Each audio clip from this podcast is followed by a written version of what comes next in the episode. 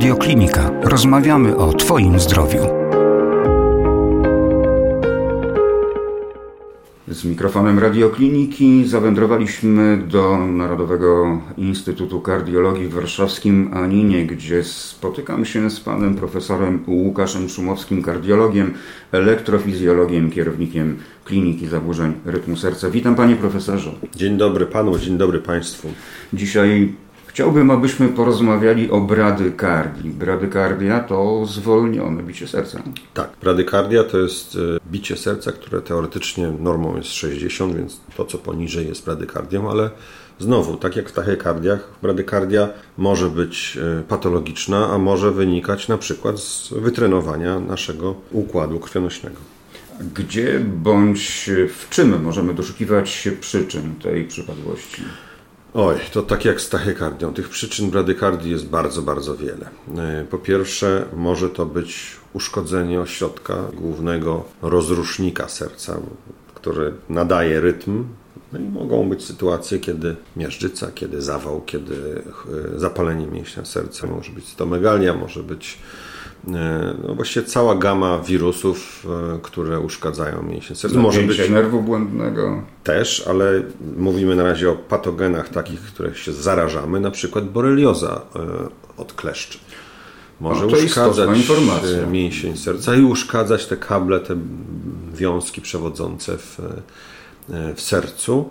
Więc to jest taka jedna grupa przyczyn bradykardii. Może to być nadmierne napięcie nerwu błędnego, rzadko na stałe, ale okresowo, na przykład omdlenia, które e, widujemy często w dusznych pomieszczeniach. To jest takie powszechne, na przykład w kościele nagle ktoś pada, bo stał długo. To jest omdlenie wazowagalne najczęściej, które e, właśnie e, skutkuje spadkiem ciśnienia i zatrzymaniem chwilowym pracy serca. No jak krew przestaje płynąć do mózgu, to się robi ciemno przed oczami, najczęściej jakiś szum, mroczki, słodko, a potem e, upadkiem, no i e, akcją e, podawania wody albo wachlowania delikwenta, trzeba po prostu go położyć nogi do góry i żeby ta krew z nóg, z kończyn dolnych przepłynęła do głowy. Czyli to wtedy... wachlowanie, podawanie wody raczej nie niewiele daje. Niewiele daje. Poza tym podawanie wody nieprzytomnej osobie może powodować zakłócenie. Zakłyśnięcie się i poważne skutki. Wodę oczywiście pomaga, ale przed. Jak zwykle, jak człowiek nie pije, to traci przytomność, bo jak my to mówimy, chodzi na pusto. No, ten układ krwionośny nie ma jak Samochód reagować. Bez paliwa nie pojedzie. Tak. Człowiek bez wody żyć nie może. A czy zaburzenia elektrolitowe, skoro już mówimy o płynach, też mają wpływ na bradykardię? Mają. Najczęściej yy, mówimy o deficytach e, potasu i wtedy mamy tachykardię, ale czasami zdarza się, że pacjenci przyjmują e, różne e, substancje, które zawierają elektrolity i może się zdarzyć taka sytuacja, kiedy na przykład mamy zaburzenia w drugą stronę, czyli zbyt dużo mm, potasu. Mogą to być sytuacje uszkodzeń, tak, wypadki. No to też są takie stany, kiedy możemy widzieć bloki, możemy widzieć bradykardię. Ale najczęściej mówię, to najczęściej ta aktywacja układu przyspółczulnego to jest kwestia przejściowa, ale widowiskowa. Panie profesorze, znaczne obniżenie temperatury ciała, czyli hipotermia, też może powodować spowolnienie bicia serca. Tak, tutaj już e, wchodzimy w takie sytuacje, kiedy w zimę no, albo gdzieś się znajdziemy bez odpowiedniego okrycia, czy też w wodzie e, zbyt e, długo będziemy w tej wodzie mm, e, siedzieć zimnej, na przykład no, wypadnięcie z łódki, próba dopłynięcia do brzegu na jesieni, na wiosnę, no, może być tragiczna w skutkach, bo wiemy, że ten organizm wychłodzony może mieć wszelakie zaburzenia. Oczywiście bradykardię również, ale i zaburzenia krzepnięcia, i zaburzenia rytmu, pod postacią tachykardii w pewnym momencie. No, także tutaj, no niestety, hipotermia, zresztą, tak jak przegrzanie, są dla nas groźne. Jesteśmy organizmami stałocieplnymi, a przynajmniej w pewnych granicach. Tak, ale hipotermia i idąca za nią bradykardia czasami potrafi uratować życie. Tak, to jest taki paradoks, że mm, zresztą stosowany w operacjach, gdzie mm, wiemy, że krążenie będzie przez jakiś czas albo upośledzone, albo w ogóle zatrzymane w kardiochirurgii ochrona głowy. Okłada się głowę kiedyś lodem, teraz takimi specjalnymi matami, które tą e, krew chłodzą. Dlaczego? Dlatego, że w hipotermii mamy mniejsze zużycie e, tlenu. No, metabolizm zwalnia.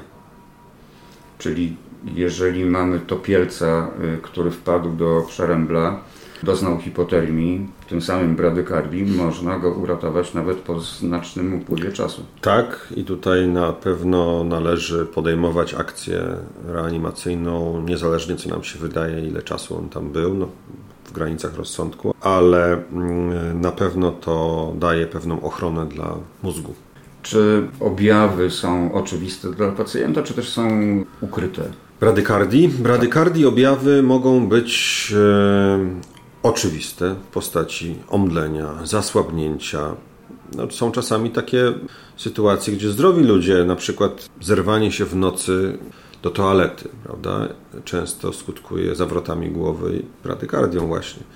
Ale często pacjenci się skarżą, że mają przerwy w biciu serca, że to serce bije niezwykle wolno. Ale są też takie objawy dyskretne, których pacjent nie zawsze rozpoznaje. U starszych ludzi bradykardia skutkuje tym, że źle śpią, skutkuje zaburzeniami pamięci, skutkuje tym, że właściwie nie są w stanie funkcjonować, brak sił. Ale zdarzają się sytuacje, kiedy mm, pacjent tej bradykardii nie czuje. Do dzisiaj pamiętam żołnierza, który przez lata funkcjonował i to w elitarnych jednostkach nie posiadając właściwie rytmu przedsionkowego przewodzącego do komór, czyli miał blok trzeciego stopnia.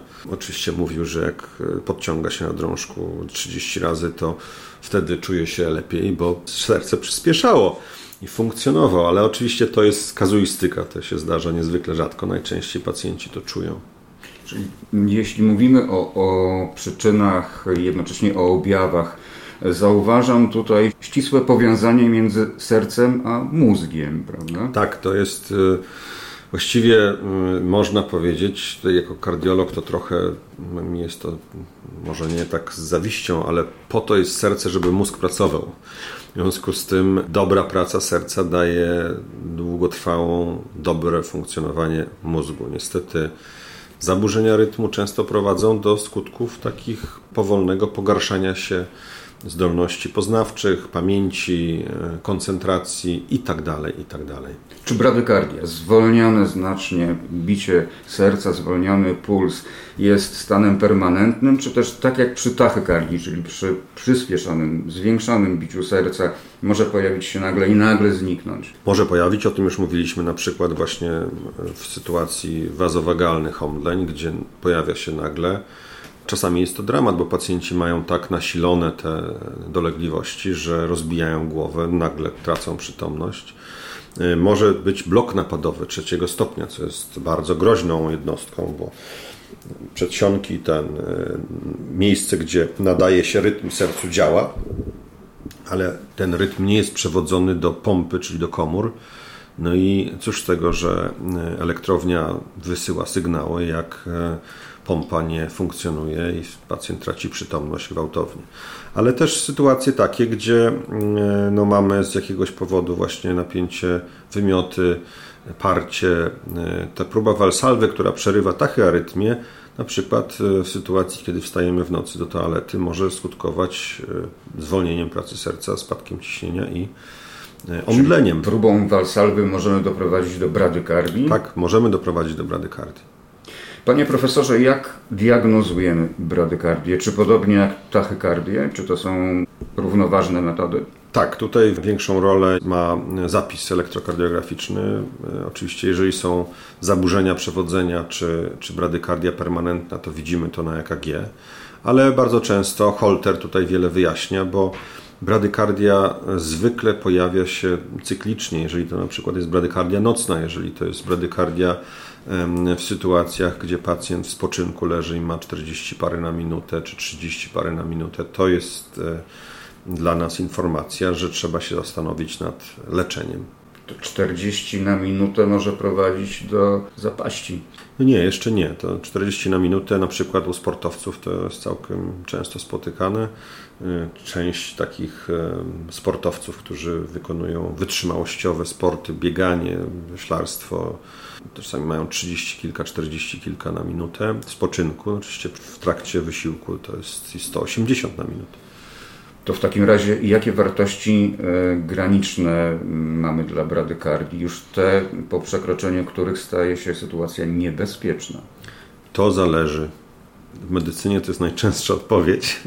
U młodego, zdrowego, wysportowanego człowieka myślę, że 50 na minutę nie jest żadnym problemem. 40 parę do monitorowania. U osoby, która ma lat 80, miażdżycę, naczyń e, w różnych obszarach i w głowie, i w kończynach, i w sercu.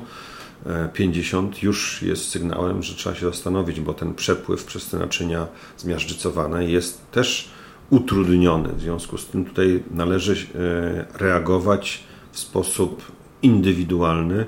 Jeżeli ktoś ma młody 50 na minutę, nie ma żadnych objawów, świetnie się czuje, to dobrze. A jeżeli ktoś starszy mówi, że y, słabo mu się robi wieczorem w nocy, a ma 45-50, to już bym się zastanowił. Istnieje też metoda badania elektrofizjologicznego. Na czym ona polega? No tutaj badanie elektrofizjologiczne y, może nam powiedzieć o sprawności tego, tego, tej centrali rytmu, czyli rytmu zatokowego. No i też o czasach, szybkościach przewodzenia, czyli badamy, jak szybko ten sygnał rozchodzi się po sercu.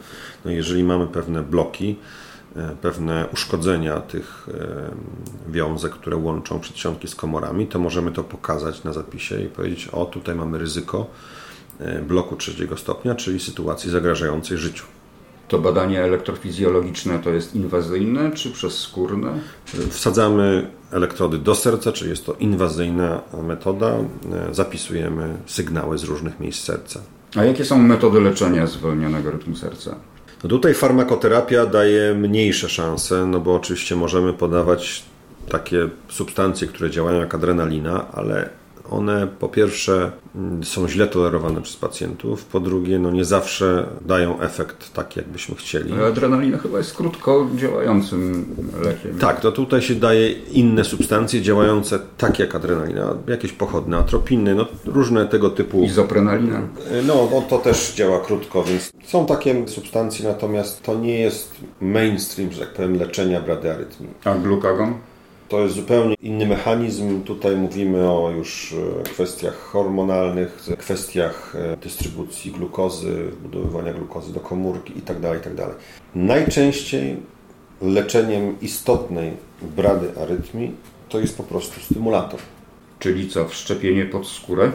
Wszczepienie nie pod skórę, tylko do serca. Do serca wręcz. E, a urządzenie znajduje się pod skórą no i to daje szansę. To jest taka proteza układu elektrycznego serca. Daje to Czyli szansę na. Dobrze rozumiem, elektrody do serca, a samo urządzenie. Elektrody biegną przez podobojczykowe naczynia najczęściej tak. do serca i tam i przedsionki, i komory mogą być stymulowane i, i też jest tam wyczuwanie własnych sygnałów, więc rozrusznik działa tylko wtedy, kiedy musi. Teraz nowe urządzenia powstały, które wszczepiamy bezpośrednio do serca już bez elektrod, czyli pod skórą już nic nie ma takie pastylki, które tam wstrzykujemy, można powiedzieć, czy wkręcamy w mięsień serca. Mm, niewielkie, 1,5 centymetrowe, więc e, to idzie do przodu bardzo sprawnie. No i e, dzięki temu pacjenci funkcjonują fantastycznie.